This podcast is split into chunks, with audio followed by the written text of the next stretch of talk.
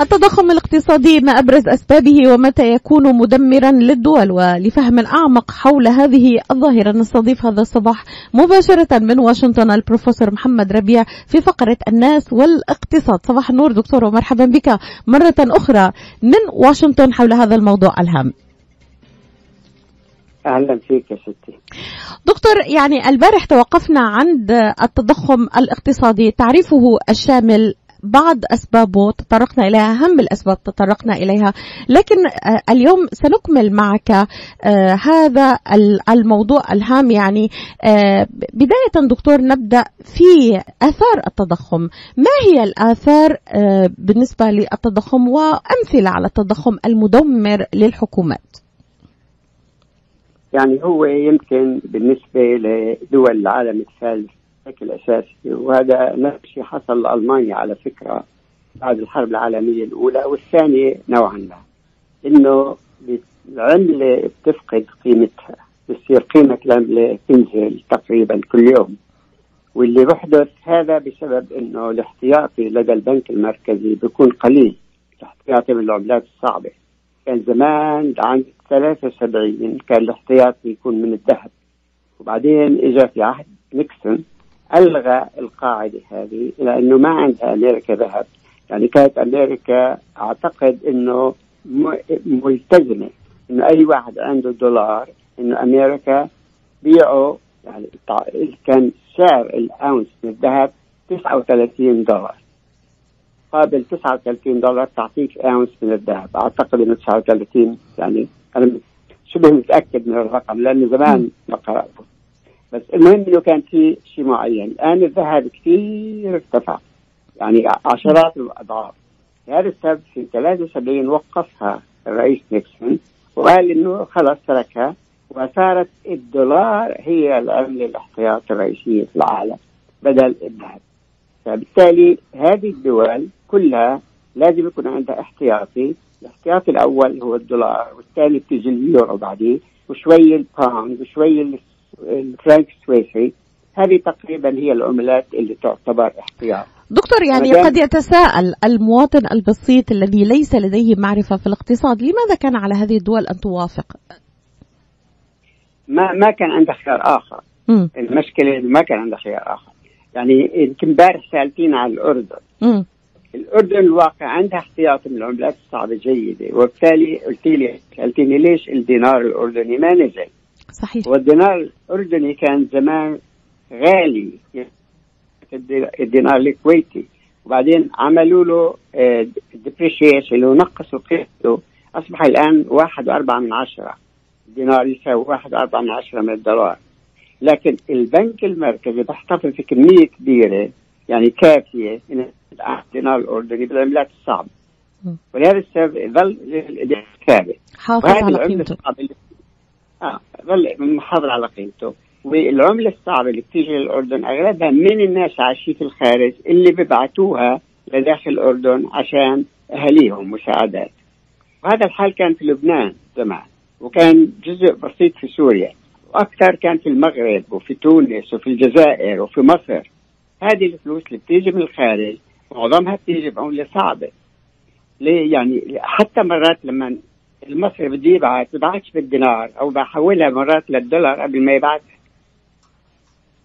فلهذا السبب. إذا كان لدى الدولة عملة صعبة كافية تدعم العملة تبعتها يعني هذا إنه ممكن إنه حافظ العملة على قيمتها.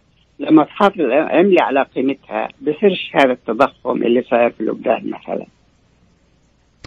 دكتور ناخذ مثال كما أشرت البارحة لي يعني تحت الهواء إنه ما يحدث الآن في لبنان.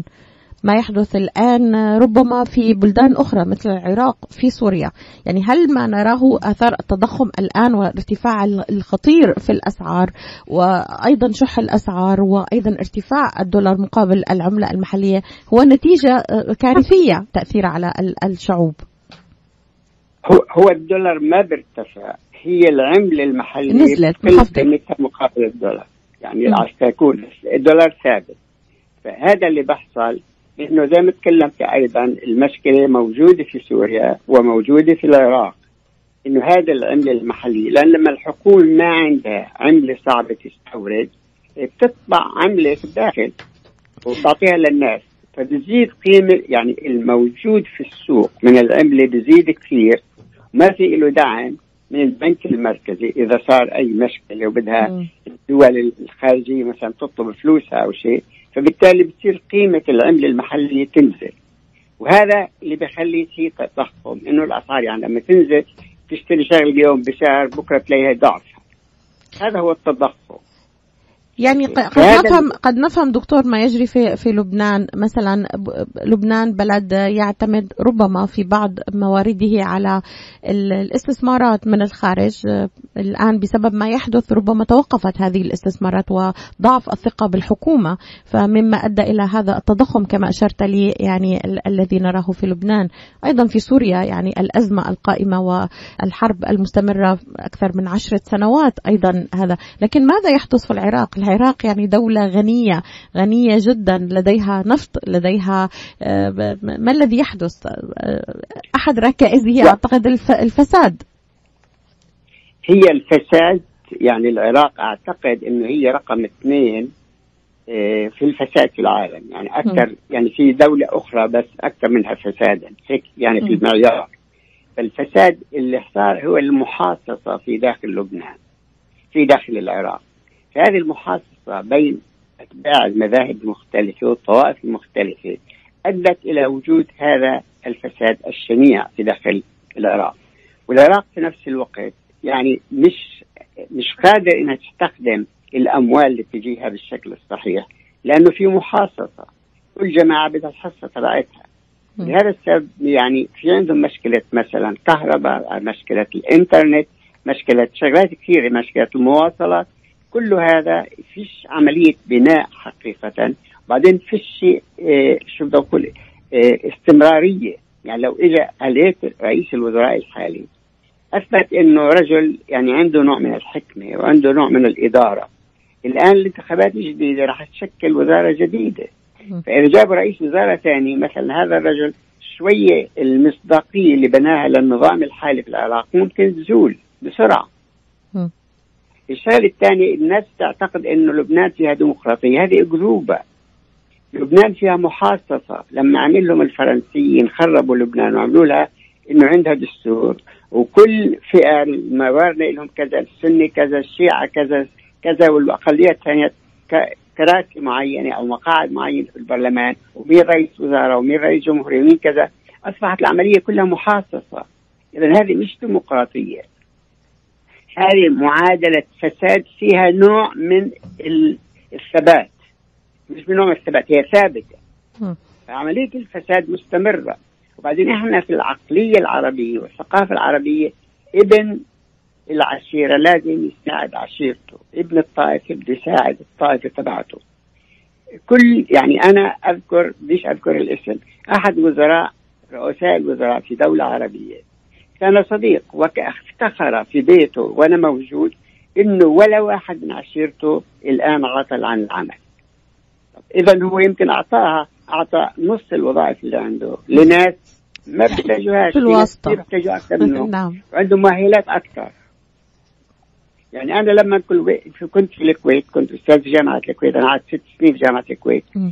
لما كنت في الجامعة طلعت بشغله يقال سميتها أنا تمليك الوظيفة. يعني لما كانت الحكومة الكويتيه تعين واحد في وظيفه صار تمليك ما واحد بيطلع ولا في مكان ما كانش في يعني في نظام التقاعد فشو اللي حدث؟ إنه لما الواحد بيملك الوظيفة يعني كثير كانوا من وظيفة الجامعة يشتغلوا سواقين برا يجي ساعة ولا نص ساعة على الجامعة وكل وقته برا بسيارته بيشتغل سواق تاكسي. يعني إجت إجت جامعة ستانفورد عملوا دراسة في جامعة الكويت وأنا ساعدتهم لما عملوها.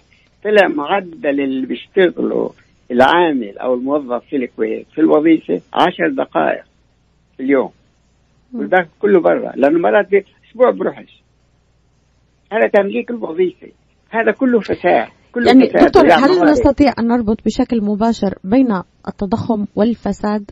يعني إنه الفساد أحد طبعا. أكبر عوامل التضخم يعني صحيح؟ صحيح 100% بس عايز أقول لك شغلة واحدة. لازم يفهم الإنسان العربي أن الفساد هو ظاهرة وليس سبب.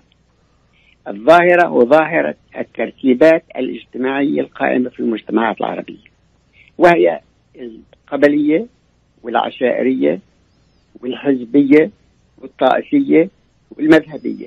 هذه هي سبب الفساد وما دام إحنا بنحافظ على هذه التنظيمات أو هذه التشكيلات الاجتماعية لا يمكن انه يزول الفساد من أي جزء من الوطن العربي.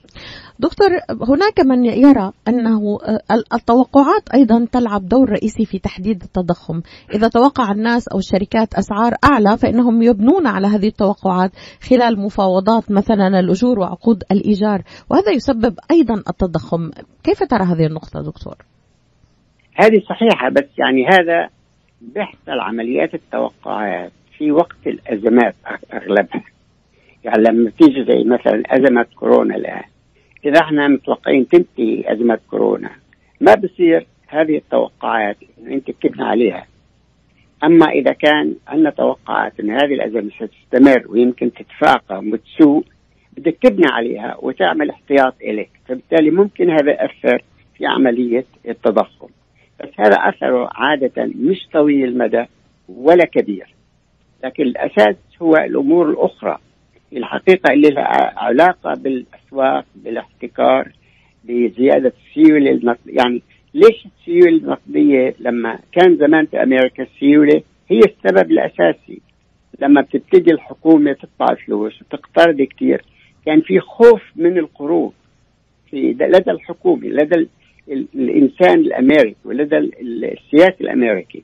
الآن أمريكا عندها ديون اولموست 24 تريليون دولار وبالتالي يعني قد ال 34 تريليون دولار يعني أكثر من 150% من الناتج القومي الإجمالي لأمريكا. وما في عندها أي تضخم نتيجة لهذا. يعني الخوف من هذه الفلوس ما عاد موجود. أنا الحقيقة سنة ال سنة ال 2001 أصدرت كتاب بالإنجليزي عنوانه The Making of History.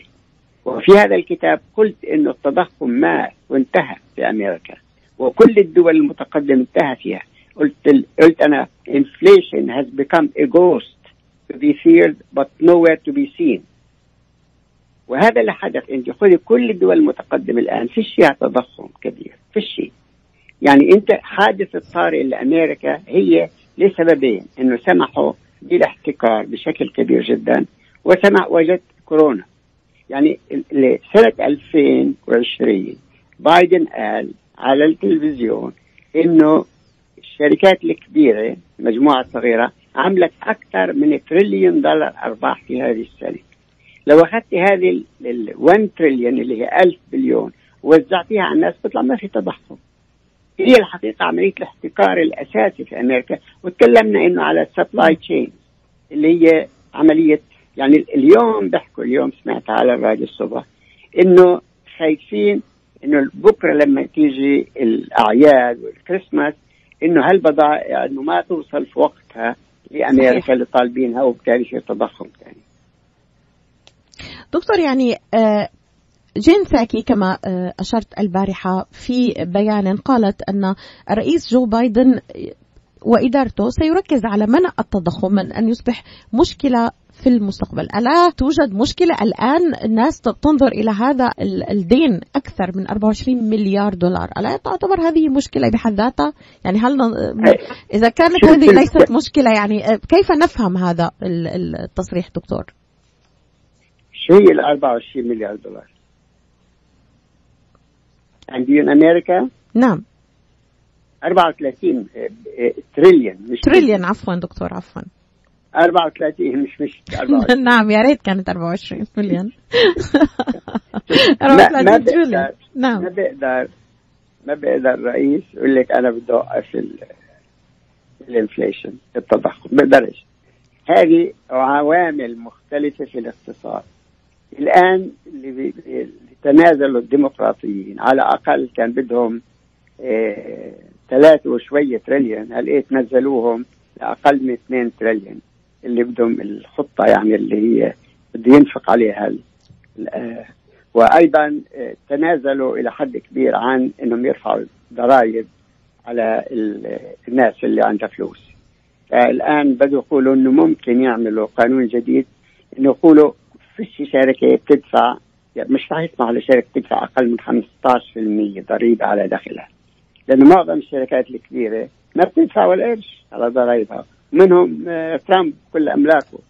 يعني بيلاقوا يسموها لوب هولز يعني شو بدنا نقول بالعربي اللي هو في فجوات معينة. ومن خلال هذه الفجوات بتحايلوا على القانون وبيدفعوش ضرائب.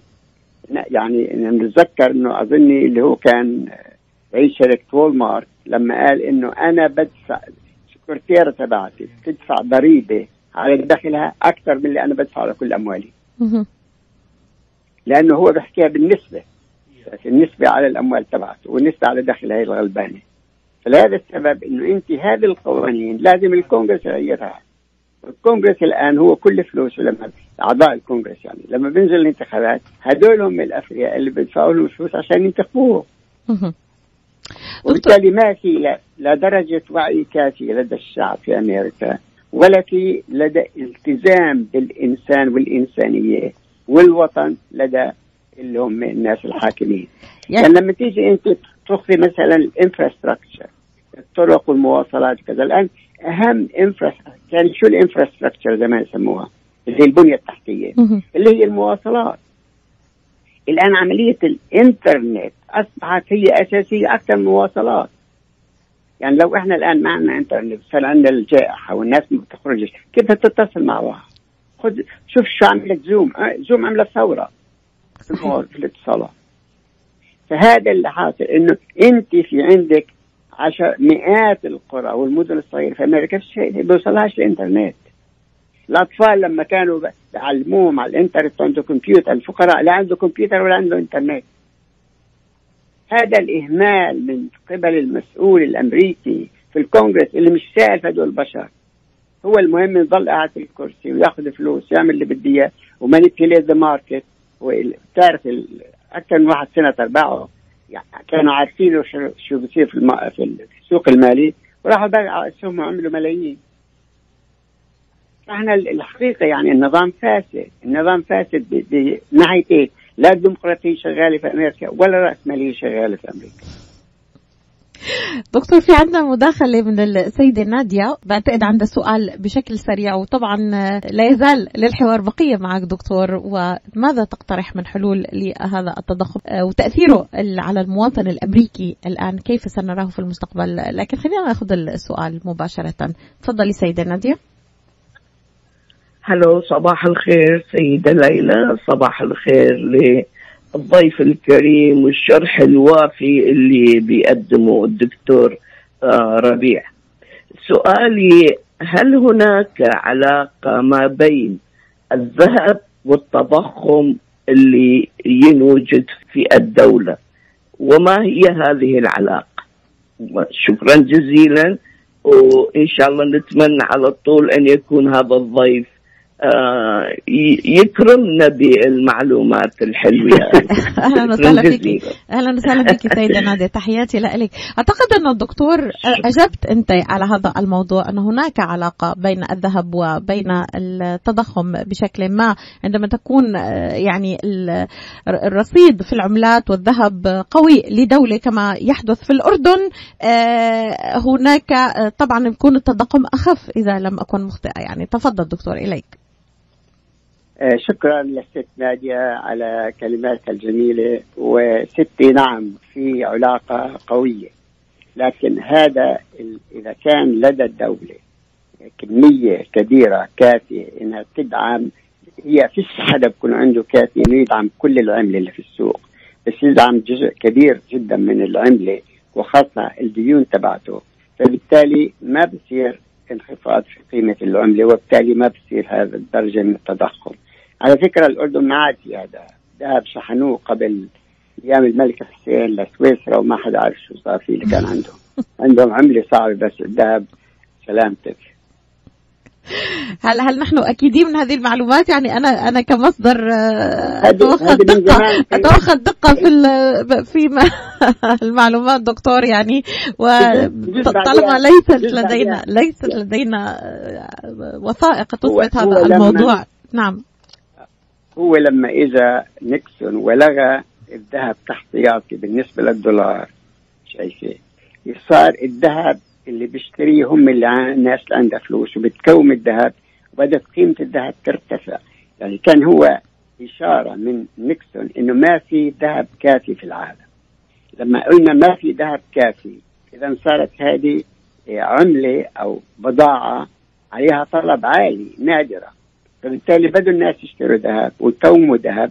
والآن أكثر دولة في العالم تشتري ذهب هي أمريكا مش أي دولة ثانية بس أمريكا ما بتعلن قديش عندها ذهب. دكتور بما تبقى لنا من الوقت نصف دقيقة فقط يعني أعود معك إلى السؤال الأهم والذي طرحته إدارة الرئيس الأمريكي جو بايدن أنها ستركز على منع التضخم من أن يصبح مشكلة في المستقبل. نلقي هذا السؤال قائما إلى الحلقة القادمة. كيف برأيك سيحدث هذا؟ وما هي الآثار فعلا على المواطن الأمريكي؟ وما هي الحلول التي تراها واقعية؟ وليست افتراضية للتخلص من التضخم في الولايات المتحدة الأمريكية وربما في بعض من الدول التي يظهر هذا الآثار كارثيا عليها كما أشرت حضرتك آه، سوريا العراق ولبنان ويعني هناك بعض الدول نحن مجرد أخذنا مثال على هذه الدول. أشكرك جزيل الشكر البروفيسور محمد ربيع المختص والمحلل الاقتصادي. كنت معنا مباشرة من واشنطن ونعد مستمعينا باستكمال هذا الحوار معك إن شاء الله خلال الأسبوع القادم. إلى اللقاء. شكرا لك أهلين.